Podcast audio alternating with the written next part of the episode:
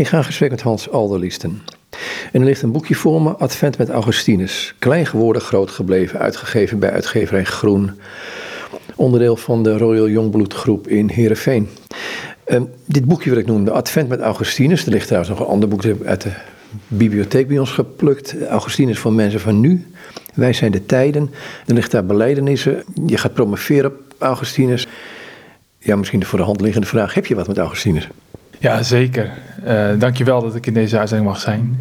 Ik, uh, als klein ventje zat ik in de kerk en uh, dan hoorde ik af en toe ja, de naam van Augustinus voorbij komen. Zoals ook de naam van Calvijn wel eens werd genoemd. je weet hoe dat gaf Thomas A. Kempis. Maar Augustinus klonk toch wel regelmatig. En ik wilde als ventje gewoon weten, wie is dat? Wat, wat, wat is dat voor figuur? Waarom wordt hij hier genoemd? Wat, wat, wat, weten we erover? En zo ben ik me in Augustinus gaan verdiepen. Dus al als, als heel klein jongetje greep ik naar de boeken van Augustinus. Hoe oud was hij toen? Ik denk dat, dat ik toen ik kon lezen, las ik dat soort dingen. Ja, maar is Augustinus dan voor jongeren van jouw leeftijd geschreven, die leeftijd geschreven en dat soort dingen? Wat waren dat? Ja, ik las, ik las van alles wat. En uh, het is mij ook wel verweten dat ik toen als klein kind dat ik uh, te moeilijke boeken las. En ik weet het allemaal niet. Maar goed, nou, ik, zal niet, ik, ik denk dat ik een jaar of, of tien zou geweest zijn, negen, zoiets. Maar dat, Augustinus heeft mij nooit meer, uh, nooit meer losgelaten. Uh, ook omdat hij ja, zo'n essentieel uh, verslag doet van wat hij meegemaakt heeft. En je proeft dan alles dat de man ja, diep is doorgeleid. En ook iets mee wil geven aan ons en aan, aan, mensen van nu. Dat ik denk, ja, als je Augustinus leest, dan lijkt het alsof er een vriend met je in gesprek is. Alsof je een tijdgenoot ontmoet. En dat is ook voor mij de reden geweest dat ik in 2019 het eerste boekje over Augustinus schreef. Augustinus voor mensen van nu denk ja, de vragen waar hij mee zat, zijn de vragen die waar we nog steeds mee zitten. Dus waarom zouden we het wiel opnieuw uitvinden? Laten we onze oren te luisteren leggen bij, bij Augustinus. Ik ga even deze tijd toe. Een, van de makken van deze tijd, mag ik wel zeggen, is dat mensen toch uh, de neiging hebben de laatste decennia om traditie en dit soort dingen los te laten. Um, hoe krijg je dat nog naar de mensen van nu toe? Ja, ik weet niet of, je, of, of Augustinus of je dat in een traditie moet plaatsen. Uh, wij, wij, leven, we staan hoe dan ook op de schouders van reuzen. Uh, wie, wie, wij zijn en hoe wij zijn, onze manier van samenleven, komt niet uit de lucht vallen. Dat hebben we niet uh, gisteren bedacht. dus het is heel goed om historisch besef te hebben en ook te, te beseffen, ja, waar komen opvattingen vandaan? Ja, wat is de wordingsgeschiedenis van ideeën? En dan gaat het bijvoorbeeld over de vraag, ja, wie is God? Maar ook over de vraag, waar komt het kwaad vandaan? Uh, de vraag, uh, wat voor tijd leven we eigenlijk? Hoe moet je de tijd zien? Uh, de vraag, de, balans tussen goed en kwaad. Nou, dat zijn vragen die zijn universeel. Ik, ik, ik, ik durf te zeggen dat die vragen altijd aan de orde zullen zijn in elk leven van elk mens. En dat in, in die zin Augustinus ook niet uniek is, omdat dat daarvoor ook al wel aan de orde was. Maar hij dat wel op een zodanige wijze heeft gethematiseerd en naar voren gebracht. Dat we daar nog steeds vruchten van kunnen plukken. En je ziet ook dat hij heel breed wordt, uh, wordt toegepast. Hè? Dus president Biden heeft uh, in zijn uh, speech afgelopen januari een citaat van Augustinus opgevoerd. Nou, de paus die citeert Augustinus heel regelmatig. In de Tweede Kamer heeft Gert-Jan Segers bij de debat over toeslagaffaire Augustinus geciteerd. CDA-Kamerlid Henri Bontebal heeft recent Augustinus ter sprake. Dus als dit soort mensen Augustinus citeren, dan, dan moet er iets met hem zijn waardoor hij relevant is en waardoor je denkt, ja, dat is toch niet iemand die we zomaar eens voorbij kunnen gaan. Maar ik vind een citaat, ik, ik commentarieer maar hoor, ik vind een citaat van iemand nemen uh, vaak altijd een beetje riskant. In de zin van, je pakt er één klein deel uit wat jou wel ligt. Terwijl Augustinus, um, als je hem gaat lezen, hij kan niet ongemerkt, hij kan niet alleen met citaat aan je voorbij gaan. Dat gaat niet ongemerkt aan je voorbij. Hoe is het bij jou naar binnen gekomen? Als ik er iets over mag zeggen, Augustinus is zo ontzettend veelzijdig. Hij was vader, hij was zoon, hij was bisschop, uh, hij was uh, kantonrechter, uh, kerkvorst, ehm, vriend. hij heeft zoveel verschillende rollen gehad. Rector, student, vriend. dus hij, hij komt op zoveel verschillende facetten tot je... dat er altijd wel iets is waar je in herkent. En is ook wel eens iemand gezegd... hij heeft zoveel geschreven, zijn preken, zijn verhandelingen... zijn brieven, zijn grote werken... dat als je dat allemaal wil lezen... dan heb je een heel mensenleven nodig. Dus ook als, als ik iemand tegenkom en die zegt: ik, ik, ik doorzie de gehele Augustinus, dan ben ik toch een beetje wantrouwig. Want dat, dat, daar ben je echt lang mee bezig. Nu zijn er zeker een aantal uh, Augustinus-kenners. Maar ook zij erkennen dat Augustinus zo uh, breed is. dat het ook wel ja, heel snel een verhaal van pick and choose wordt. Hè? Dat je heel snel hem voor je karretje gaat spannen. En je kan dus ook niet zeggen dat Augustinus uitsluitend uh, katholiek is of uitsluitend protestant. Dat, dat, dat laatste al helemaal niet. Maar hij is zo ja, breed. Uh, en dat was mij ook mijn persoonlijke ontdekkingstocht. Dat je elke keer toch weer op nieuwe schatten komt en toch weer nieuwe verdieping bij hem vindt. Dat, ik, ik ben zelf daar ja, al heel wat jaar mee bezig. En ja, heel recent ben ik ook eens wat meer in zijn tegenstanders uh, gaan verdiepen. Wat voor weerstand heeft hij nou in zijn tijd ervaren? Ja, en dan zie je eigenlijk dat in die tegenstand dat daar ook weer heel veel actualiteit in zit. En dat daar ook uh, richting de Donatisten, maar ook de Manicheërs, uh, de filosofie, dat, dat, er zitten allerlei, allerlei dingen in die, waar we nog steeds iets aan kunnen hebben. En dat is leerzaam. Um, kijk, en je moet Augustinus niet Augustinus is niet, uh, de werk van Augustinus zijn niet de schrift, Augustinus is God niet, maar het is wel een hele belangrijke dienaar van God geweest, die in zijn tijd, 4e, 5e eeuw, bepaalde kwesties aan de orde heeft gesteld, ja, die ook tot zegen zijn geweest van de kerk en ook van velen in de kerkgeschiedenis. Terug naar jou, hoe is jou tot zegen geweest? Laat ik dat woord maar gebruiken. Je bent het gaan lezen, als kind vond je het al heel interessant. Heeft je te pakken genomen uh, op welk gebied en op wat voor manier? Ja, dat komt toch even bij die citaten van die uitspraken, maar eigenlijk zijn, uh, uh, de ouverture van de, van de, van de? Dus de, uh, groot bent u en zeer te prijzen. Wij die de sterfelijkheid in ons omdragen, een klein deel. Het ligt hier, wil je dit gewoon citeren uit het boek? Een stukje lezen, misschien is dat wat plezieriger. Ik citeer het ongeveer al bijna, maar het, ik, kan het, ik kan dat gewoon even lezen inderdaad. Groot zijt gij Heer en ten zeerste lovenswaardig Groot is uw macht en uw wijsheid heeft geen getal. En loven wil u een mens, een deel van uw schepping, ja, een mens die zijn sterfelijkheid met zich omdraagt. Die met zich omdraagt het getuigenis van zijn zonde en het bewijs dat gij de hoogvaardige weerstaat. En toch wil hij u loven, die mens, een deel van uw schepping. Gij zet hem aan om er vreugde in te vinden u te loven, want gij hebt ons tot u geschapen en onrustig is ons hart, tot het rust vindt in u, o God. Dan zijn we bij het boekje De Advent met Augustinus. En de ondertitel is Klein geworden, groot gebleven. Je kunt het hele eerste, eerste hoofdstuk verder gaan lezen, dan vind je dat toch? Ja. Nee, dat, de ondertitel van het adventboekje Klein geworden, groot, dat gaat over Christus. Mhm. Die klein geworden is, hij die groot, hij die de, de maker van het hele al, die afdaalt in een kribbe. En toch in, in die kleinheid groot bleef. Uh, zijn macht straalt vanuit de kribben. Maar dat klein en groot, dat is ook een centraal thema in Augustinus denken. Hij heeft natuurlijk altijd de hoogmoed als belangrijkste zonde uh, geïdentificeerd.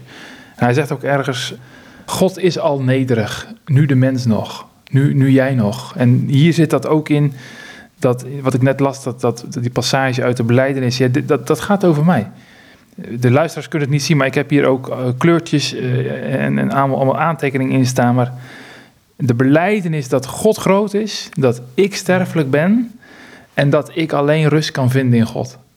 En dat, is, is het zo voor jou? Ja, dat is absoluut zo. Ja, dat, is dat onrustig zijn, ik, ik, herken dat ontzettend in mijn eigen leven. Dus als je gewoon kijkt naar je agenda, naar, uh, naar alle verplichtingen in het weekend, in de kerk, ehm, gedoe, WhatsApp, uh, mailtjes. Uh, heel veel onrust. Worden we, de hele dag door worden we bestookt met, met, met, met allerlei uh, informatie. Moeten we dingen. En nou, neem de hele coronapandemie, die persconferentie. Het, is toch, het is toch alleen maar onrust? En dan zegt Augustinus, je kan alleen maar rust vinden in God. En dat is omdat God zelf de rust is. God heeft gerust van zijn werk. Rust komt bij God vandaan. Orde, eenheid, heelheid, uh, overgave, dat, eh, dat, dat, dat is wie God is. Dat is hoe God wil zijn, ook hoe God het bedoeld heeft. En die rust, vanuit die rust mogen we weer verder. Uh, en dat, dat is voor mijzelf een ontzettend uh, heilzaam ja, perspectief. Dat je... is, is het alleen het perspectief? Nou, het is, het is een zinnetje die, dat onrustig is ons hart tot het rust vindt in u. Dat is een zinnetje die ik mezelf heel vaak voorhoud. Um, het perspectief is dat, dat we naar de rust onderweg zijn. Dat we vanuit de drukte naar Gods rust uh, onderweg zijn. Uh, en dat ik ook wel erachter kom dat wat ik, wat ik zelf allemaal doe in mijn werk, in, uh, in de kerk enzovoort, dat dat ook heel veel onrust geeft. Hè? Dus dat, kijk, vergelijk het met, met een vijver waar je allemaal stenen, allemaal rimpeling en dan komt daar rust. Hè? Dus Christus die ook in, in het bootje eh, de wind bestraft en dan gaat de zee, de zee spiegelglad. Nou, dat is, En daarvoor lag je heerlijk te slapen. ja, schitterend. Ja, dat, dat, eh, en slapen, de, de dood is ook bij Christus een heel andere werkelijkheid dan bij ons. Eh, In onze tijd wordt gezegd dood is dood. Eh, In naam als het bestaat niet of het bestaat wel. Of word ik een sterretje of weet ik wat mensen allemaal daar voor mooie dingen over zeggen. Maar hè, zoals die psalm 4 dat zegt, slapend kom ik bij u thuis. Christus, met vader, zoon aan boord gaan we niet verloren. Hoe hard het ook stormt in je leven. Hoe, hoe onrustig het ook is. Maar hij eh, eh, schenkt rust. Hier wordt rust geschonken. Psalm 36. Er staat volgens mij op de volgende blad een heel stukje van, eh, met allemaal van die tegenstellingen, toch? Ja. Ik, ik, weet niet of je dit stukje bedoelt, maar dat, dan, beschrijft hij wie God is. Nou, kijk, dan moet ik even iets uitleggen. Uh, Augustine heeft heel, heeft heel lang nagedacht, en dat is hij niet alleen in. Wie is God? En eigenlijk ook de meer filosofische vraag: hoe is God? Hoe doet God zich voor? En Augustinus komt vanuit de uh, filosofie. En daarin gaat. Kijk, laat ik toch even dat maar zo zeggen. Uh, je hebt de zichtbare dingen en je hebt een geestelijke werkelijkheid. En daar gaat het om. Het gaat niet om wat we hier zien, maar het gaat om de, om de hogere dingen. En uh, wij zitten nu allebei hier op een stoel. Iedereen zal dit herkennen als een stoel. Maar er is zoiets, zegt Plato, als een prototype stoel. Dat zal ook iedereen herkennen. Maar er is ook een idee van zitten. Het gaat om de idee zitten. Hè? Zo en zo. Augustinus heeft, heeft deze manier van filosoferen ook op God betrokken. Dus dan gaat hij zeggen: God is de schoonheid, God is de rust, God is het allerhoogste, God is. Uh, en, dan, en dan komt hij tot deze prachtige uitroep wie God is. U, de allerhoogste, de voortreffelijkste, de machtigste, de almachtigste, de barmhartigste en de rechtvaardigste. U, de meest verborgene en meest aanwezige. De schoonste en de sterkste, vast en ongrijpbaar. U die onveranderlijk en alles veranderend bent. Nooit nieuw, nooit oud. Alles vernieuwend en de hoogwaardige oud makend zonder dat ze het weten. U die steeds handelt, steeds rust, steeds vergaart en niet ontbeert. Dragend en vervullend en beschermend, scheppend en voedend en voltooiend. U bent inhalig, terwijl u niets ontbreekt. U hebt lief en u leidt geen heftige gloed. U bent naijverig en blijft onbekommerd. U hebt spijt en u voelt geen leed. U wordt vertorend en blijft rustig. U wijzigt uw werken en u wijzigt nooit uw plan. U neemt weer bezit van wat gij vindt en gij zijt het nooit kwijtgeraakt. Gij leidt nooit gebrek en gij vindt vreugde in gewin. Gij zijt nooit hebzuchtig en gij rekent rente. Meer dan het verschuldigde wordt aan u betaald om u tot schuldenaar te maken. Wie heeft ook maar iets dat niet van u is? Wat hebben we nu nog gezegd, mijn God, mijn leven, mijn eeuwige heerlijkheid? Ja, precies, wat hebben we nu nog gezegd? En toch, ik vind het altijd een van de moeilijkheden om interviews over Augustinus te maken. Als je dit leest, denk je, ja, wat moet je dan nog vragen? Ja, dit, bij, dit soort zinnen dan moet je uh, minstens een kwartier stil zijn daarna. En moet je daarover nadenken wat hij hier nou precies zegt. Wat hij eigenlijk hier zegt is, wat ook in de kerkgeschiedenis ook wel door anderen is verwoord, dat God de gans andere is. Dat God echt van een andere dimensie is. Dat wij, ergens in een verhandeling zegt hij ook, als, als, als, als je iemand ontmoet en die zegt zo en zo zit God in elkaar, dan zegt hij, dan weet je zeker dat dat God niet is. God is echt de, van de andere kant. Hij is ons een eeuwigheid voor. En dat is iets wat Augustinus zelf zo diep heeft ervaren, omdat hij naar God heeft gezocht, maar hij kwam erachter dat God naar hem op zoek was. En dat hij de verkeerde kant opzocht. Een prachtig citaat in het boekje staan. Hè? Dat wat je nu zegt, dat, eigenlijk verwoordt hij dat daar ook. Ja, dat is ook weer een passage uit, uh, uit uh, Confessiones. En dan moet je ook weten dat Confessiones, het Latijnse woord voor Confessiones, betekent twee betekenissen. Het betekent uh, beleidenis, dus schuldbeleiden. Maar het betekent ook lofprijzing. Confessio, schuldbeleiden en lofprijzing. En die, die dubbelheid zit er altijd bij Augustinus in. Het is altijd met twee woorden spreken. Zonde en genade. Wet en evangelie. Licht en donker. En dan zegt hij, u, o God, hebt mij geroepen en tot mij geschreeuwd. U genas mijn doofheid. U hebt met uw licht geschenen, gestraald en geschitterd en zo mijn blindheid verdreven. U hebt een geur verspreid, ik heb geademd en ik verlang naar u. Ik heb geproefd, mijn ziel hongert en dorst naar u. U hebt mij aangeraakt. In mij is het verlangen naar uw vrede ontbrand. Dit heb je als een soort meditatief stukje in het boek opgenomen. Want, want ehm, ik ga naar het boekje toe, uh, Advent met Augustinus. Je gaat dan die vier of vijf weken van Advent door. Ehm, dit soort stukjes, wat wil je daarmee bereiken? Nou, kijk, de advent, advent is een ontzettend belangrijke periode in, in het kerkelijk jaar. Het, is, het, kerkelijk jaar begint met de advent. En dat is ook alweer zo mooi. Het, het, het, jaar begint niet op 1 januari, maar het jaar begint op eerste advent. Als de engel bij Maria komt, u zult een zoon baren. En hem heet Jezus, want hij zal zijn volk redden van hun zonde. Dat is Gods begin in deze, dat is Gods ingrijpen. God zet een kribbe neer. En, dus de wereldgeschiedenis, uh, het meest belangrijke is daar in Bethlehem en later op Golgotha gebeurd. En voor de uh, vroege kerk, waar Augustinus natuurlijk deel van uitmaakte, was de adventtijd, net als de 40 dagen tijd, een tijd van vasten en boete en berouw. Dan uh, deed men afstand van, uh, van geneugten en van allerlei andere dingen. En dan was men intensief aan bidden, mediteren, lezen.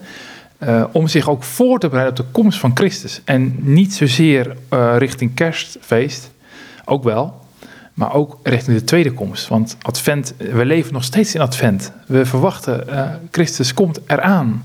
Afgelopen zaterdag was ik op de Open Doorsdag in, in Barneveld. En er was een, een voorganger uit, uit Eritrea en Irak, ik dacht Eritrea, die zei, hij zei, Christus is echt aan het komen. Hij is zijn bruid aan het ophalen. Nog even duurt het. Dus het is, het is adventstijd. En die gedachte, dat je in de adventstijd je voorbereidt op de komst van Christus. Nou, dat heb ik in dit boekje proberen uh, samen te vatten. Aan de hand van uh, werk van Augustinus, preekfragmenten, ook wel fragmenten uit andere werken. En dan zit dat centrale thema dat God, de hoge God, de grote God, dat hij een kleine baby wordt, zich vernedert. Terwijl wij ons niet vernederden voor hem. Dat zit er helemaal doorheen. En ik hoop dat mensen dit boekje kunnen gebruiken uh, in de adventstijd. En dat ze ook zo, uh, ja, toch heel intens in feite met, uh, met, met, met, met, met, de stoffen materie omgaan. Om zich zo ook. Kijk, want heel vaak hangt er rond kerst natuurlijk een hele vrolijke sfeer. En is moet Merry Christmas, we hangen onze, onze dennetjes vol met allerlei leukigheid. En dat, ik zeg niet dat dat niet goed is, dat, prima. Maar beseffen we waarom Christus moest komen? Augustinus zegt, als Christus niet in je hart geboren was, is, en al zou hij duizendmaal in Bethlehem geboren zijn, is zijn geboorte te vergeefs. Het gaat om die persoonlijke ervaring, dat je weet, hij is ook in mijn hart gekomen. Hij heeft mij aangeraakt, mijn hart doorboord. Hij heeft mij opgezocht. En hij lag daar in die kribbe, zo laag, dat ik hem kon zien. Nou, en dan word je stil, hè? Dan, dan, dan word je stil. En dan, dan moet je, net als met Maria zegt, mij geschieden naar uw woord. Ja, dat zijn de mooiste woorden uit de Bijbel, bijna, hè? Als, je, als je die, die, dat fiat van Maria. Dat, dat, is prachtig. En ook wat er later staat, als de herders en zo bij haar zijn. En, staat, en Maria bewaarde al deze woorden, overleggen die in haar hart Is vol van het wonder, van het mysterie ook. Het mysterie dat God, de hoge God, mens werd, een babytje. Die... Is, is dat ook iets wat, wat, wat je ik proefde door het boek heen trouwens ook wil opwekken, of als dat op te wekken is überhaupt, dat wij tot verwondering komen. Echt die verwondering die je nu benoemt. Want eh, vaak heb ik ook het idee dat mensen er graag over willen praten, of discussiëren, of weet ik veel wat. Maar gewoon die verwondering en stil zijn en denken van jongens.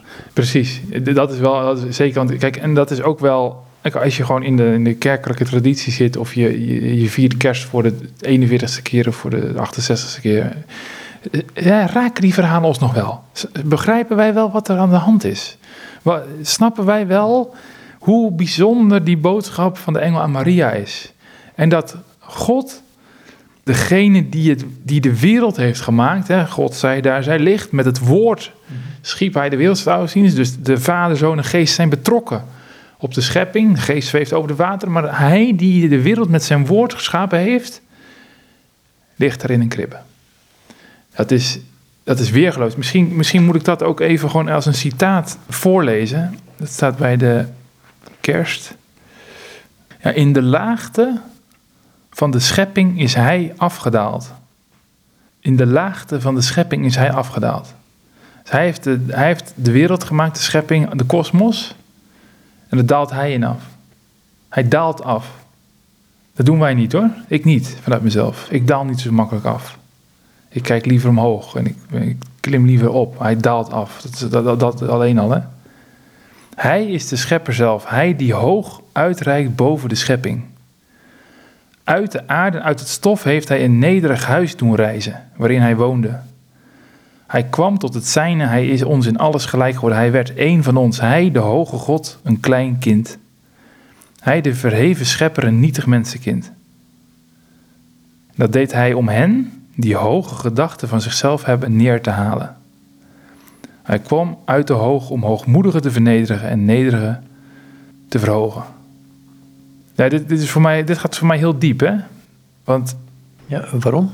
Nou, omdat ik heel snel eh, toch wel eh, hele hoog of, gedachten over mezelf heb. Hè? Dat, dat, dat ik de dingen eens even ga regelen en eh, ga, ga organiseren. En dat ik de dingen begrijp en naar mijn hand. Als God willen zijn, dat, dat zit ook in mij. Dat je de wereld naar je hand wil zetten en morgen ga ik dit doen, volgend jaar zus. En, maar erachter komen dat het leven dat, dat, dat, het, dat, dat helemaal niet kan. En dat het in feite ook een vorm van weerstand is. Een vorm van opstand tegen God. Want die wil juist ons leven leiden. En dat wij ons, ja, zoals dat wordt gezegd, dat je je wapens inlevert. Dat je tot overgave komt en je laat leven. Ja, hoe, hoe kom je tot overgave? Want kijk, ik, ik link het even aan een ander stukje wat je net las. Van, eh, dat Augustinus zegt, tenzij Christus in jou geboren is. Nou, commentarieer maar. Ja, dat, daar heeft Augustinus zelf ook 32 jaar over gedaan. Hè? Maar ik vraag het nu aan jou. Ja, nee, maar ik, ik ben nu 34. Ik heb, doe er ook al 34 jaar over. De, de overgave, dat, is niet, dat, is niet, dat heb je niet in je zak. Dat is niet iets, ik niet. Dat is niet iets dat, dat je dan zegt, nu doe ik het knopje overgave aan. Dat is een proces van, van, van vallen en opstaan. Hè? Erachter komen in je leven dat tegenslagen misschien wel verborgen zegeningen zijn. Heel veel mensen zitten, net als ik ook, met de vraag waar komt het kwaad vandaan? Hoe komt het dat wat er in de wereld en in mijn eigen leven ook, hè, wat, wat is er nou allemaal gebeurd? Hoe, hoe, komt dat? Maar dat, dat je daarachter komt, dat je daar toch zelf ook wel een aandeel in hebt. Dat de meeste mensen deugen niet. Of wel? Het is, het is beide, hè? Eh, de- precies. Dus, maar, ik, zit meer in, ik zit meer in de school. De meeste mensen deugen niet. Eh, maar ik zou, hem dan, ik zou die persoonlijk willen maken. Ik deug niet. En dat, en dat klinkt dan gelijk wel weer heel vroom en heel bevindelijk en zo. En dat, Ja, dan moet ik vragen, wat deugt er niet in jou? Ik bedoel, dat, ik, ik, ik heb hetzelfde als, als iemand zegt, ja, wij, wij zijn zondaars. Nou, noem er dan een paar dan. nou, dat, dat, dat had ik net, net wel iets over had. Hè? Dat, je, dat je zo snel hoge gedachten van jezelf hebt. En dat je het eh, zelf wil doen. En dat je zo makkelijk ook voor jezelf leeft. En voor jezelf opkomt en, en aan, weinig aan de ander denkt. Dat je gewoon voorbij eh, loopt, letterlijk en figuurlijk, aan de nood van een ander. Dan kom ik toch ook weer even bij Augustine. Dat je soms ook dingen doet waarvan je weet dat het niet goed is.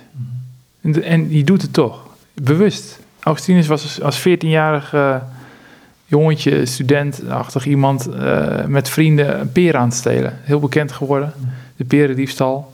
En hij zegt, eh, we- niet dat we nou een peer wilden eten, of omdat we, eh, helemaal niet, maar we, vonden het gewoon leuk om iets te doen wat niet mocht. Ik beminde het kwaad om het kwaad. En die perendiefstal heeft hij heel uitgebreid gedocumenteerd in de, in de eh belijdenissen. Ook wel tot irritatie van sommigen. Die zeiden, ja, nee, Augustinus die overdrijft. En die maakt het, het kwaad veel te groot. En die man had gewoon een psychische eh, aandoening. Of hij, hij- hij moest gewoon met zichzelf in het reinen komen. Ze nam het allemaal te hoog op. Joh, joh, neem eens een dagje vrij. En ga, eens even, eh, niet zo zwaarmoedig allemaal. Nee, ik, denk dat, dat, dat die perendiefstal echt is gebeurd. En dat hij dat ook als miniatuur, als picture of, zin aan... dat hij dus dat hij dat opvoert om te laten zien wat het kwaad eigenlijk is. Namelijk dat wij dat ook soms beminnen, het kwaad. En dat je, dat, dat je soms dus dingen doet, ik dus ook, die niet horen en niet zouden moeten. En ik denk niet dat het goed is om, nou dan kunnen we ook nog eens een apart gesprek om of, dat, of we dat aan elkaar, ja dat moeten we aan elkaar beleiden, maar ik weet niet of, het, of, of we de zonde uit moeten stallen. Nou ja, ik, ik, ik, ik, moet hier altijd denken aan, ik weet niet of je de, de, verhalen van Narnia kent. Daar is op een gegeven moment Edmund, die eh, heeft de zaak verraden. En die komt dan met Aslan, of het beeld van Jezus, in contact. En die praten met elkaar. Geen van de kinderen weet wat daar besproken is. Maar er werd wel door Jezus aangenomen. Dus ik, zit meer die richting op dan, hè? Ja. ook wat de biecht betreft. Nou ja, het is ook de, de, de parabel van de verloren zoon, hè, die eh, natuurlijk op de, op de terugweg allemaal eh, plannen heeft wat hij tegen zijn vader gaat zeggen. Maar nog voordat hij iets gezegd heeft, heeft zijn vader hem alweer aanvaard. Dus dat, dat is misschien ook wel een, een innerlijk proces dat je zelf ja, ook je schuld in moet leven, je tekort. En ook dat moet durven, ook moet, de overtuiging moet krijgen op een gegeven moment dat het ook ingeleverd is. Ja, en dat je dan ook van de vrijheid en van de genade mag leven. Dat je weer kind mag zijn aan huis. En dat er niks, alsof er niks gebeurd is. Zei dat, ik ga nog even naar het andere deel van die vraag toe. Um, dat Augustinus zegt dat Christus in jou geboren is. Dat is wezenlijk. Um, dan wordt hij in jou geboren. En hoe is dan je relatie met Christus met jou? Want dan heb je het over jouw ziel en met Christus. Hij woont in jou, hij is in jou geboren. En wat gebeurt er dan met je? Ja, dat vind ik een hele ingewikkelde vraag. Omdat ik, uh, ik zit even te denken van uh, hoe zag Augustinus dat en hoe zie ik dat zelf? Wat, wat, wat zegt de schrift daarover? Kijk, het is... Ja, misschien moet je eens kijken wat er bij jou gebeurd is. Toch? Nou ja, dat, dat, dat je dan ook wel zegt, wat Paulus ook zegt, uh, eigenlijk leef ik niet meer. Eigenlijk leeft Christus in mij. Dus, dat is een voortdurend conflict dan. Ja, dus dat, precies. Dus, en dat is ook een, een strijd tussen wat dan wel wordt genoemd de oude mens en de nieuwe mens. Dat je in feite, laat ik het met een voorbeeld illustreren. Je hebt een huis wat op instorten staat. Onherstelbaar beschadigd, niet bewoonbaar. Maar gek genoeg woon je er nog wel. Dat is, en dat, dat zou je een beeld van deze wereld kunnen noemen, of een beeld van ons leven. Onbewoonbaar verklaar, maar we wonen er toch. De wereld, zegt Augustinus, is een ziekbed, een tranendal. Het is ellende hier. Kun je, kun je zeggen dat het allemaal zwaarmoedig, maar zo zegt hij het. Een babytje komt huilend ter wereld. Daarmee profiteert hij dat het hier een tranendal is. Citaat uit de stad van God. En wat gebeurt er als Christus in je leven komt? Dan gaat hij dat huis oppakken en dan gaat hij dat vernieuwen van binnenuit. En dan komt de geest in je wonen, in je levenshuis. En dan wordt van die bouwval, ja, daar mag je nog steeds blijven wonen. En die, en, die oude bewoner die wil er nog niet helemaal uit. Dus je hebt een soort conflict, een soort anti-kraak uh, zit je dan. En de, huurders die er niet uit willen en zo, dat soort thematiek. Maar langzaam maar zeker wordt het huis getransformeerd. Totdat God zegt het is af. En dan mag je naar huis, naar het echte huis. Dan word je als een levende steen toegevoegd aan de tempel van God. Dus dit is beeldspraak. Maar ja, en wat, wat gebeurt, hoe, hoe gebeurt dat? dat? is een mysterie. Dat, uh, wij weten heel veel dingen niet. Ik, ik weet heel veel dingen niet. Uh, wel dat God je, je vormt. En dat kunnen beter anderen maar zeggen. Dan dat je dat zelf zegt. Als, als Christus aan, aan Petrus vraagt op, op, na, de, na de opstanding en zo van... Heb je mij lief? Dan zegt Petrus ook, ja, u weet alle dingen. U weet dat ik u lief heb. Dan gebruikt u ook verschillende woorden voor liefde, maar u weet dat ik van u houd. Het is in u, niets is voor u bedekt. U kent mijn gaan en mijn zitten. En dat is, Augustinus heeft ook echt, heeft in die filosofie echt geprobeerd te begrijpen wie God is, te, te begrijpen wie hij zelf is, te begrijpen hoe de wereld. En op heel veel punten zegt hij, nu weet ik het niet meer. Nu kom ik aan het einde van mijn kennen, aan het einde van mijn weten. En zegt hij ergens, ik ben zelfs een raadsel voor mezelf geworden. En ook dat, dat is ook iets wat mij troost. Dat je soms ook helemaal niet weet hoe je zelf in elkaar zit. Dat je dat je, dat je, je dacht jezelf te kennen. Maar, je, maar, dan blijkt je toch alweer een kant te hebben in jezelf die, die, die, je, niet, uh, die niet had verwacht. Ik ben bijna twee keer zo oud als jij, maar ik heb dezelfde gedacht hoor. Ja, nou, precies. Nou, dat is heel, maar dat zie je ook nog wel eens bij mensen die bijvoorbeeld uh, uh, dementie, met dementie te maken krijgen. Dat mensen opeens een kant van zichzelf ontdekken. Een hele emotionele of hele creatieve kant. Die ze in hun leven daarvoor nog nooit. Dus het, het, het menselijk bestaan, het leven, is te rijk, zou je kunnen zeggen. Te divers om te vangen in één hokje. Nou doe je in het boekje Advent met Augustinus. Um, zit ook een passage in waar je kwistig citeert uit het Hooglied. En dan kom ik op het begrip intimiteit, op het begrip, um, misschien ook bij Augustinus vandaan, hij is dichter bij mijzelf dan ik mezelf ken. Um, dit soort wonderlijke teksten.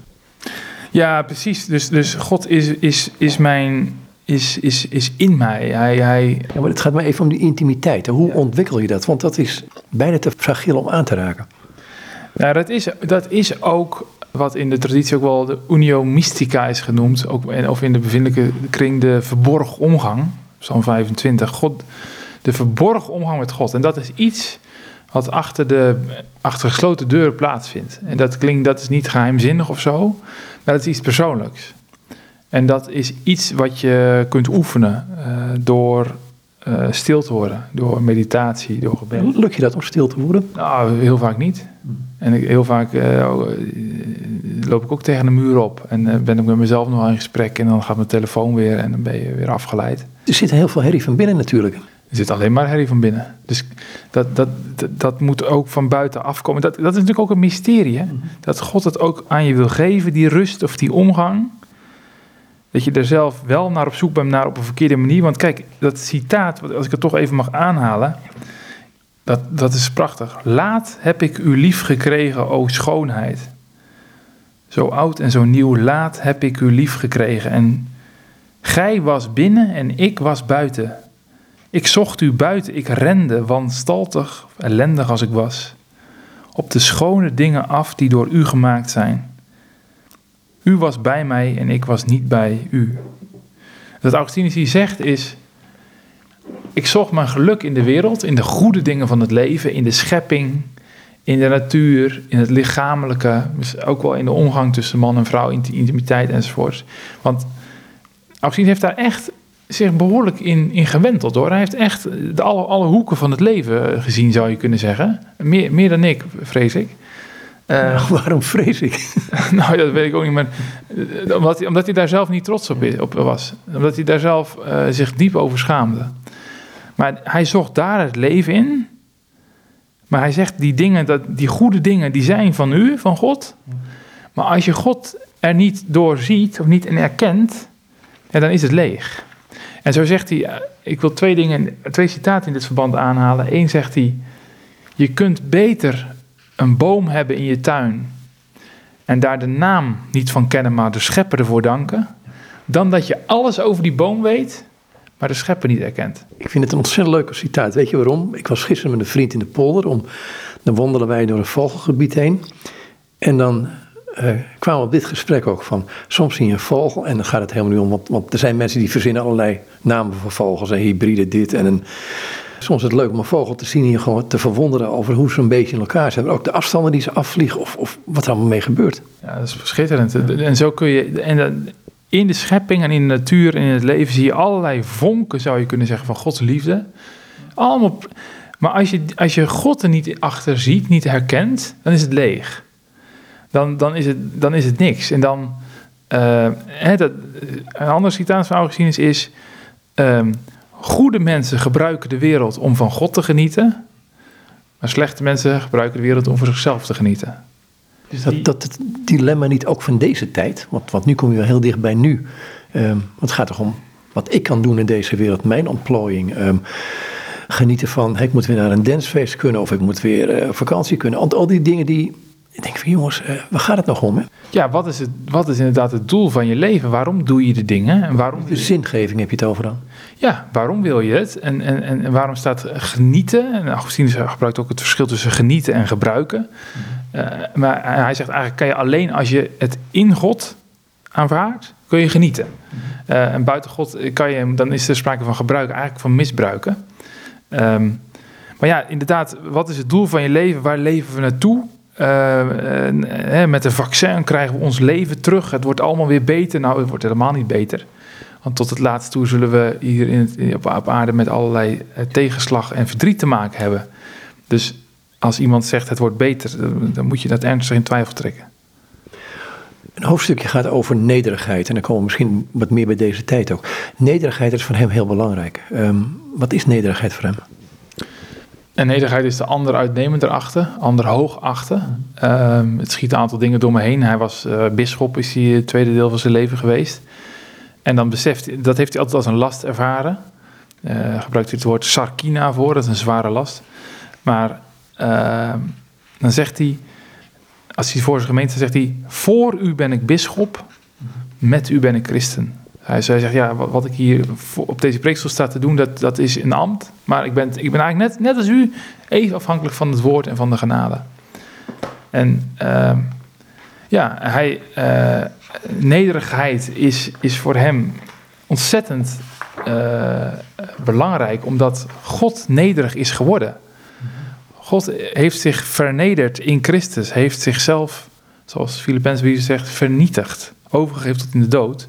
En dus moeten wij dat ook doen. En dus als hij later een, een regel gaat schrijven voor, uh, voor het klooster, voor de gemeenschap, dan zegt hij ook: uh, jullie mogen geen uh, bezittingen hebben, alles is gemeenschappelijk.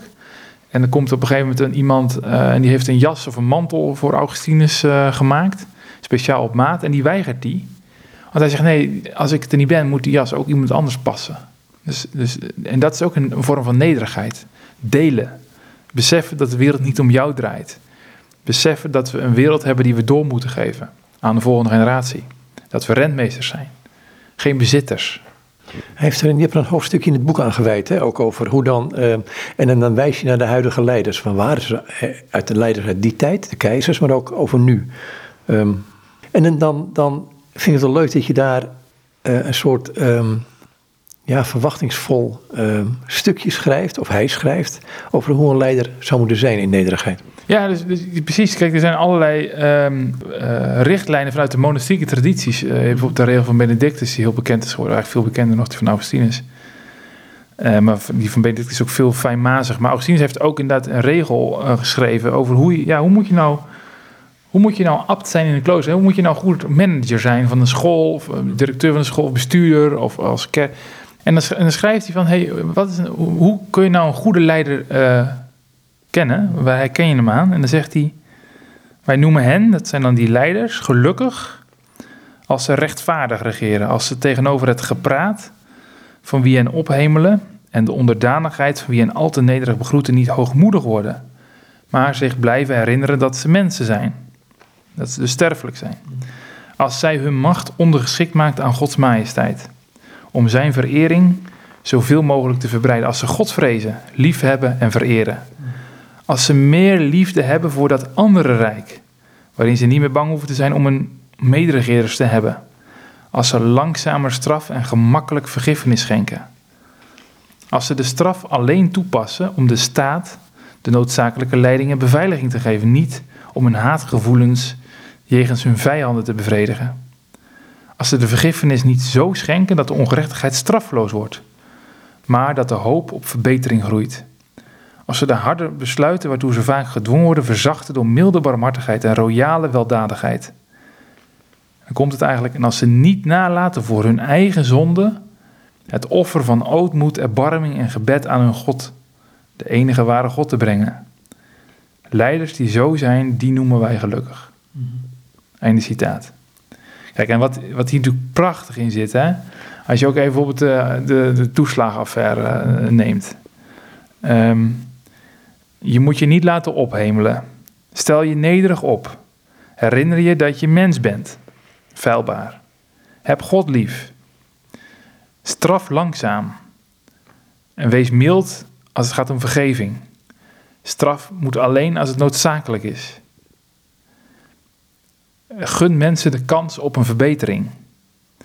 En als je een straf moet nemen of een maatregel, doe dat dan met milde barmhartigheid en royale weldadigheid. En breng dagelijks een offer voor je ootmoed en voor je zonde. Een offer van ootmoed. Kijk, en in die toeslagenaffaire, uh, maar ook überhaupt gewoon in het, in, het, in het functioneren van de overheid of van leiders, wereldwijd leiders van, uh, van grote organisaties. Hoe opereren zij? Dat gaat toch vaak om macht, om, om uitbreiding van hun territorium, om winstmaximalisatie, om ten koste van anderen groter te worden, breder, meer impact te hebben. En hoe gaan wij als overheid met burgers om? Zien wij hen uh, straffen omdat we daar gewoon zin in hebben om hen te straffen, om hen eens even een boete te geven, mensen de vernieling in te, in te draaien? Nou, ik, ik denk wat je nu zegt, ik vind dat er zit nog een ander randje aan. Dat het feit dat uh, mensen lijken wel afstand te nemen van de burger en er algoritmes tussen te zetten. Ik zeg het even heel lelijk nu. In die zin van dat je dus uh, ja, voor je gevoel misschien de goede dingen doet en toch niet. Dat, dat vind ik een enge, het enge gegeven nu, namelijk in deze tijd. Dat mensen denken dat ze heel wetens, gewetensvol bezig zijn. En dan denk ik, ja, ho even, hoe kan dit dan gebeuren? Ja, dan wordt natuurlijk het systeem wordt het, wordt het verweten. Uh, de, ja, maar dat zijn ook mensen natuurlijk. Precies, want het systeem bestaat niet. Er zijn mensen die het systeem uh, uh, vertegenwoordigen. Maar kijk, dan zitten we in parallel naar het Romeinse Rijk. In de tijd waar Augustinus in leefde.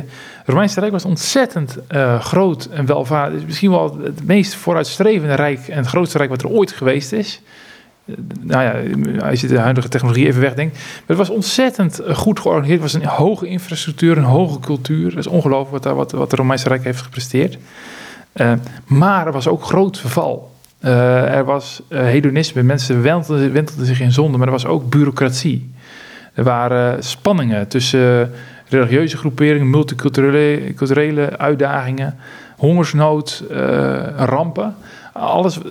Kijk, en dat stelde die Romeinse Rijk ook voor grote vragen. Van hoe gaan we eigenlijk met onze burgers om?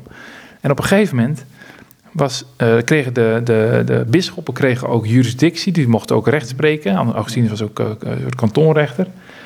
En, maar de mensen, ook de heidenen, gingen liever naar de bisschop dan naar de Romeinse rechters. Want de Romeinse rechters, dat waren bureaucraten. Dat duurde lang. Bovendien was daar geen ruimte of weinig ruimte voor vergeving en voor genezing. Maar bij de bisschoppen werd je niet alleen van manen toegesproken, maar werd je ook weer werd je ook welkom geheten in de kerk. Je zegt eigenlijk van um, bij de bisschoppen werd je als mens weer mens. Ja. En als mens gezien en niet als um, ja, ergens ver weg. Ik, ik, ik weet niet hoe ik dat goed zeggen moet, maar ik heb het idee dat de afstand is gekomen tussen wie jij als professional bent en wie je als mens bent. En ik heb dat altijd eng gevonden. Nou, dit is, dit is precies ook een van de, van de topics die ik in mijn promotieonderzoek wil vastpakken. Eigenlijk de responsiviteit in de rechtspraak van Augustinus. Dus hoe hij, als, je het, als het gaat om het opleggen van straf, dan zegt Augustinus, moet je ontzettend goed eerst kijken, wie heb je precies voor je? Wat is er precies gebeurd? En welke redenen liggen aan dit gedrag ten grondslag? Want je kan iemand gaan straffen, maar misschien is er wel sprake van een verslaving of van een ziektebeeld of verminderde verwijtbaarheid. En als je een straf oplegt, je stuurt iemand naar de gevangenis of je legt een hoge boete op, kan iemand die straf wel dragen? Welke consequenties heeft zo'n straf voor het gezin? Misschien is er sprake van kinderen. Uh, wat speelt er nog meer in de context? En straf je op die manier dat het ook bijdraagt aan herstel. Ook in de gemeenschap. Dus dat je niet iemand een taakstrafje geeft van 20 uur. waar mensen om lachen en het vervolgens zo weer doen. Maar dat die straf ook passend is en ook bijdraagt aan herstel. Want dat is. Augustinus zegt: mensen moeten de kans lopen om bekeerd te raken. Je hebt er een hoofdstukje aan gewijd. Uh, ik ga nu even terug naar het boek van Advent met Augustinus. Over de juiste diagnose en uh, geboren om te genezen, die twee hoofdstukjes. Dat Augustinus ook God de geneesheer noemt. Ja, dat is prachtig. Christus medicus. Het is een uh, oud thema. Het komt in de schrift ook al aan voren. Christus, de Heer, uw heelmeester. Maar Augustinus heeft dat ook echt gethematiseerd. Christus medicus. Christus als de ware arts, als de innerlijke arts de arts die naar zijn patiënten toekomt, ook weer afdaalt, aan het bed van de zieke gaat zitten en daar uh, een, de diagnose stelt. En hij kan de diagnose ook stellen, omdat hij weet wat er aan de hand is. Maar hij wil dat we wel zeggen dat we ziek zijn. Dat we er achter. Kijk, wie niet ziek is, heeft geen medicijnmeester nodig. Wie niet ziek is, gaat niet naar de dokter. Augustinus zegt: het slechte nieuws is, we zijn allemaal ziek. Of je het, weet, of je het wil weten of niet. En het goede nieuws is, er is een dokter. En die is gekomen. En er is een, er is een medicijn. En dat is het woord, met een hoofdletter. En dat, dat medicusmotief, daar zit dus ook die genezing en die verbetering in. Dat je dus herstelt, dat de kwaal wordt opgespoord. En die kwaal moet goed opgespoord worden.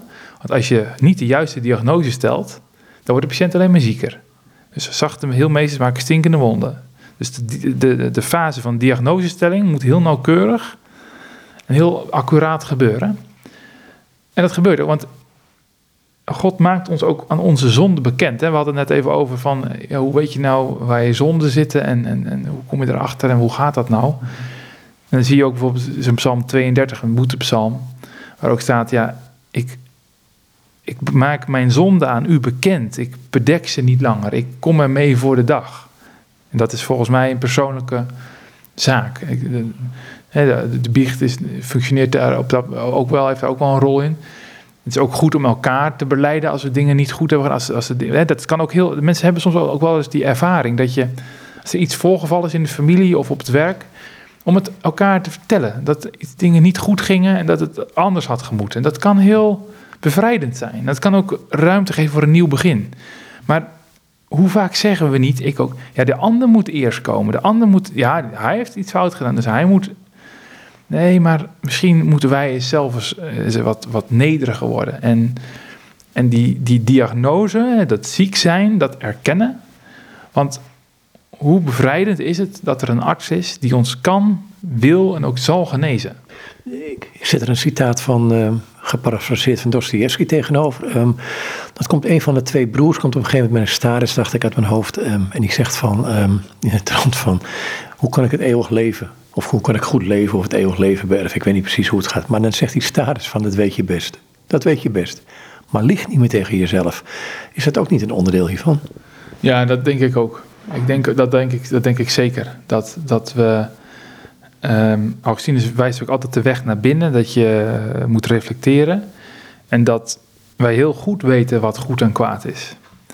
Uh, en dat we uh, in ieder geval ook wel aanvoelen, en, dat, en ik hoop ook dat we het aanvoelen, dat wat de wil van God is.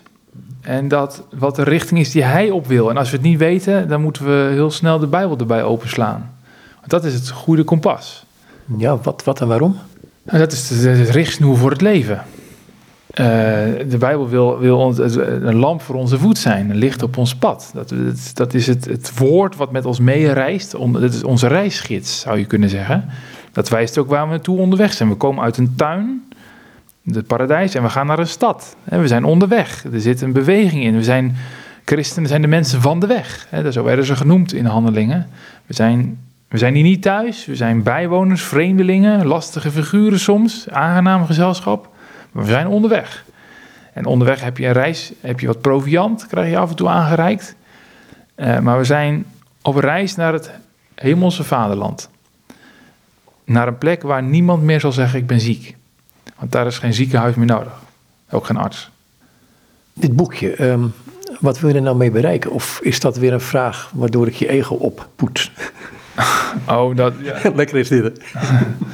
nou, nou, nou, kijk, ik hoop dat mensen door, door het te lezen niet zozeer van Augustinus onder de indruk raken. Dat ook wel, dat hoop ik ook wel. Dat, want dat, is, dat zou ik een goede zaak vinden als meer mensen Augustinus gaan lezen en door hem ook weer op het spoor van de genade. Maar dat ze vooral ook een blik in de kribbe werpen. Hè. Op de voorkant staat ook een kribbe. Dat je eigenlijk ook ja, in die kribbe, dat je onder de indruk raakt van de betekenis van advent en kerst. En dat je daardoor weer uh, ja, ook misschien kerst dit jaar wel op een hele andere manier beleeft. En dat je dan denkt, nee, het gaat niet om het kalkoen of om uh, rijk gevulde tafels en gourmet en ik weet het allemaal niet. Daar gaat het helemaal niet om. Ik, moet je allemaal doen en het is allemaal gezellig en heel belangrijk, maar daar gaat het niet om. En dat, dat is ook eh, heel mooi, ook in de, in de regels schrijft, ook, of schrijft Augustinus, bij een maaltijd moet je je niet zorgen maken of moet je je niet druk maken over wat er op je bord ligt, maar moet je je zorgen maken om wie er naast je zit. Kijk, en dat vind zo mooi. Daar gaat het altijd om. Wie zit er naast je in de bus? En wie zit er naast je op kantoor? En waarom komt die secretaresse bij? En wat betekent dat die bij de cashier? Uh, wat voor gesprek heb je daarmee? Dat is veel belangrijker dan wat er in je winkelwagen zit. En dat is, dat is, een, dat is bijna ook een manier van leven. Dat je aandachtig leeft met, met, met, met ja, uh, open ogen en open. Zoals Christus ook rondging en de mensen zag, aanraakte, de doden, de dochter van je Iris, uh, jongen van, hij raakt ze aan. Het is, voortdurend een ontmoeting met Christus. Dat valt mij in, als je de evangelie leest, voortdurend op. De menigte komt naar Christus toe, om hem te zien. En dat is het dan. Ja, hij is het woord, het vlees geworden. De wereld draait om hem. Door het, door, door het woord is de wereld geschapen. Hij is, hij is het vlees geworden woord. En het woord is vlees geworden. En, ja, en, en wat hij doet, hoe hij heeft, dat kunnen we lezen. Dat zijn tekenen van het koninkrijk. Hij zoekt de, de verbrokenen op, hij zoekt de weduwe op, de treurende. Hij herstelt wie uit de gemeenschap is gevallen. Hij, hij vergeeft, hij doorbreekt allerlei dingen. Hij, bij hem is eten in overvloed. Bij hem is er gemeenschap, zijn mensen welkom. Hij bestraft ook, hij is scherp op de inhoud, zou je kunnen zeggen. Hij, hij wijst de weg naar het eeuwige leven. En ik, ik denk dat de mensen uit zijn tijd, de discipelen, ook de leerlingen, volgelingen, en ook wij nog, dat ook dat, om het zo maar te zeggen, dat moet je ook dat moet je leren zien. Hè? Dus ik, ik zeg ook niet dat ik dat zie, maar dat, dat heel, de discipelen waren, begrepen het ook heel vaak niet. Hè? Dus toen werd Pasen, Goede Vrijdag, en toen dachten dat het allemaal afgelopen was. We dachten dat hij het was. We dachten dat hij het was, maar het is voorbij. En dan komt hij achter die dood vandaan. En dan blijkt... Dan zeg je volgens mij ook iets, iets wezenlijks. Hè? Um, wij dachten dat hij het was. Is dat niet een van de grote moeite die je hebt als je opgevoed wordt in een christelijk gezin, wat heel goed is? dat je op een gegeven moment tot, die erkentenis moet komen van hij is het. Ja, precies. Want dan hoor je dat hij het is, maar dan moet je zelf ook nog achterkomen. Dat hij het ook voor jou is. Uh, en het kan je aangezegd zijn je hele leven al. Maar ook, ook gewoon als je niet uit een kerkelijke traditie komt. Dat je wel eens van Jezus hebt gehoord. Maar als je werkelijk erachter komt wie hij is. Ja, hoe, hoe kom je erachter? Jij in dit geval? Ja, nou, dat, dat, kan, dat kan ik alleen maar zeggen. Hij heeft ons lief, wij hebben hem lief omdat hij ons eerst heeft lief gehad. Dat is erachter komen dat hij naar ons op zoek is. Hij, hij staat aan de deur en hij klopt. Hij doet een appel op je. Elke dag. Het leven is een geschenk. We krijgen tijd van hem uh, om het ook, alles wat we hebben, krijgen van hem, om ook weer aan hem terug te geven. En om de naaste te dienen. Wat is, wat is de samenvatting van de geboden? God liefhebben boven alles en de naaste is jezelf. Zo'n stukje lezen uit jouw boek, of uit Augustinus, mag ook, ja, het zal Augustinus worden, denk ik. Of om de smaak nog even te pakken te krijgen. En dan staat er nog één heel mooi gebed op bladzijde 98, maar dat wil ik me sluiten zo. Maar eerst maar, want je hebt een aantal uh, vragen in het boekje staan, maar ook een aantal meditatieve, meditatieve momenten. Waar je de tijd gewoon, gewoon eventjes voor kunt nemen. Want de neiging is om dit heel snel door te lezen. Ja, dat moet je een beetje voorkomen. Dat, je dit, dat is ook wel misschien. Ik, toen, ik het, laat, toen ik zag, toen ik het in gedrukte vorm zag, dat ik, oeh, het zijn ook wel misschien wel lange stukjes. Het moet misschien korter. Je moet het. Uh, ja, je, moet het echt overdenken. Je moet die woorden proeven. Je moet langzaam lezen. Misschien moet je het ook hardop lezen. Dat weet ik ook niet. Moet, mag, mag je ook zelf weten hoe je dat doet. Hè? Maar dat zou je best zo kunnen doen. Um, en dan ook om die woorden goed goed te laten binnenkomen. Om ook in die verwondering uit te komen. Zoals ik bijvoorbeeld, hey, hier heb ik ook een mooi stukje. Um, en dat komt ook heel veel in samen. In die verwondering. Laat degene die dit begrijpt u lovend beleiden. En laat ook degene die dit niet begrijpt u lovend beleiden. Hoe groot en verheven bent u? De nederigen van hart zijn uw huis. Want u richt de terneergeslagenen op en degene wier hoogheid u bent, komen niet ten val. Weer het huis en weer het wonen in hem. Weer het wonen in het huis. En weer die. Ja, maar hij woont in ons als wij zijn huis zijn. Ja, hij woont in ons. Ja. Wij zijn zijn medewerkers, zijn arbeiders, zijn tempels. Tempels van de Heilige Geest. Ik heb het wel eens als ik, als ik uh, in een kerk loop en ik zie toeristen lopen. Ik heb dat ooit een keer met een vriend, was ik ergens in, in Keulen. En hij wees ons het heel mooie gebouw. En ik dacht van ja, de plek waar God wil wonen zijn die mensen daar.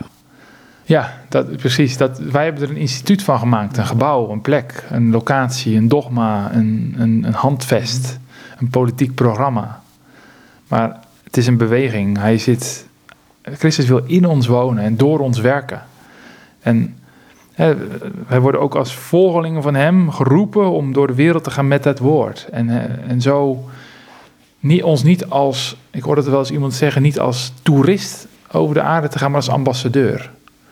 Een ambassadeur is ook nooit thuis. Die is altijd op een vreemde plek en daar vertegenwoordigt hij de belangen van het vaderland. En daar vangt hij mensen op die daar vragen hebben, die met reisdocumenten zitten, met gedoe, eh, maar ook gewoon eh, andere zaken. We zijn ambassadeurs, geroepen om een licht te zijn op een kandelaar en een, een, een stad op een berg. In de vreemde, maar met een hele tegengestelde boodschap. Namelijk dat het de goede kant op gaat en dat het beste nog komt en dat er hoop is, waar niemand meer hoop ziet. Ik hoorde een voorganger uit Irak op zo'n open doorsdag zeggen, dat was niet deze keer, maar een keer ervoor heel Mosul of, of zo'n zo'n stad ligt helemaal in puin. En je denkt het is helemaal eh, verloren. Maar hij zegt nee, er is een kerk daar. Er is een, ja, een kerk. Er is een gebouwtje met wat... Er staat een kruis en er komen christenen met elkaar. Er wordt gebeden, er wordt het brood gebroken. En dat is Gods glorie. Hij gaat door. In Noord-Korea, in Irak, in Tunesië en uh, waar Augustinus vandaan kwam. Algerije, maar ook in Nederland. Dat wil ik zeggen, ook in Nederland. Ik, ik, wil eindigen, misschien kun je dit gebed lezen, want dat vind ik wel mooi. Het bladzijde 98. Um, er staat nog veel meer in het boekje hoor. Ik bedoel, je kunt nog uren doorpraten, denk ik. maar misschien is dat wel een mooi, mooie afsluiting van het gesprek. Ja, dat is, mooi, dat is een mooi gebed. Ik zal het voorlezen. Goede God, u die de waarheid zijt, laat mij mezelf vervolgen en u navolgen. En altijd verlangen u te volgen Laat mij mezelf ontvluchten en vluchten tot u. om zo door u beschermd te worden. Laat mij mezelf vrezen en u vrezen, om onder uw geroepenen te zijn. Laat mij mezelf wantrouwen en vertrouwen op u. Gehoorzaam wil ik om u, omwille van u. Laat mij aan niets gehecht zijn dan aan u, en arm zijn omwille van u.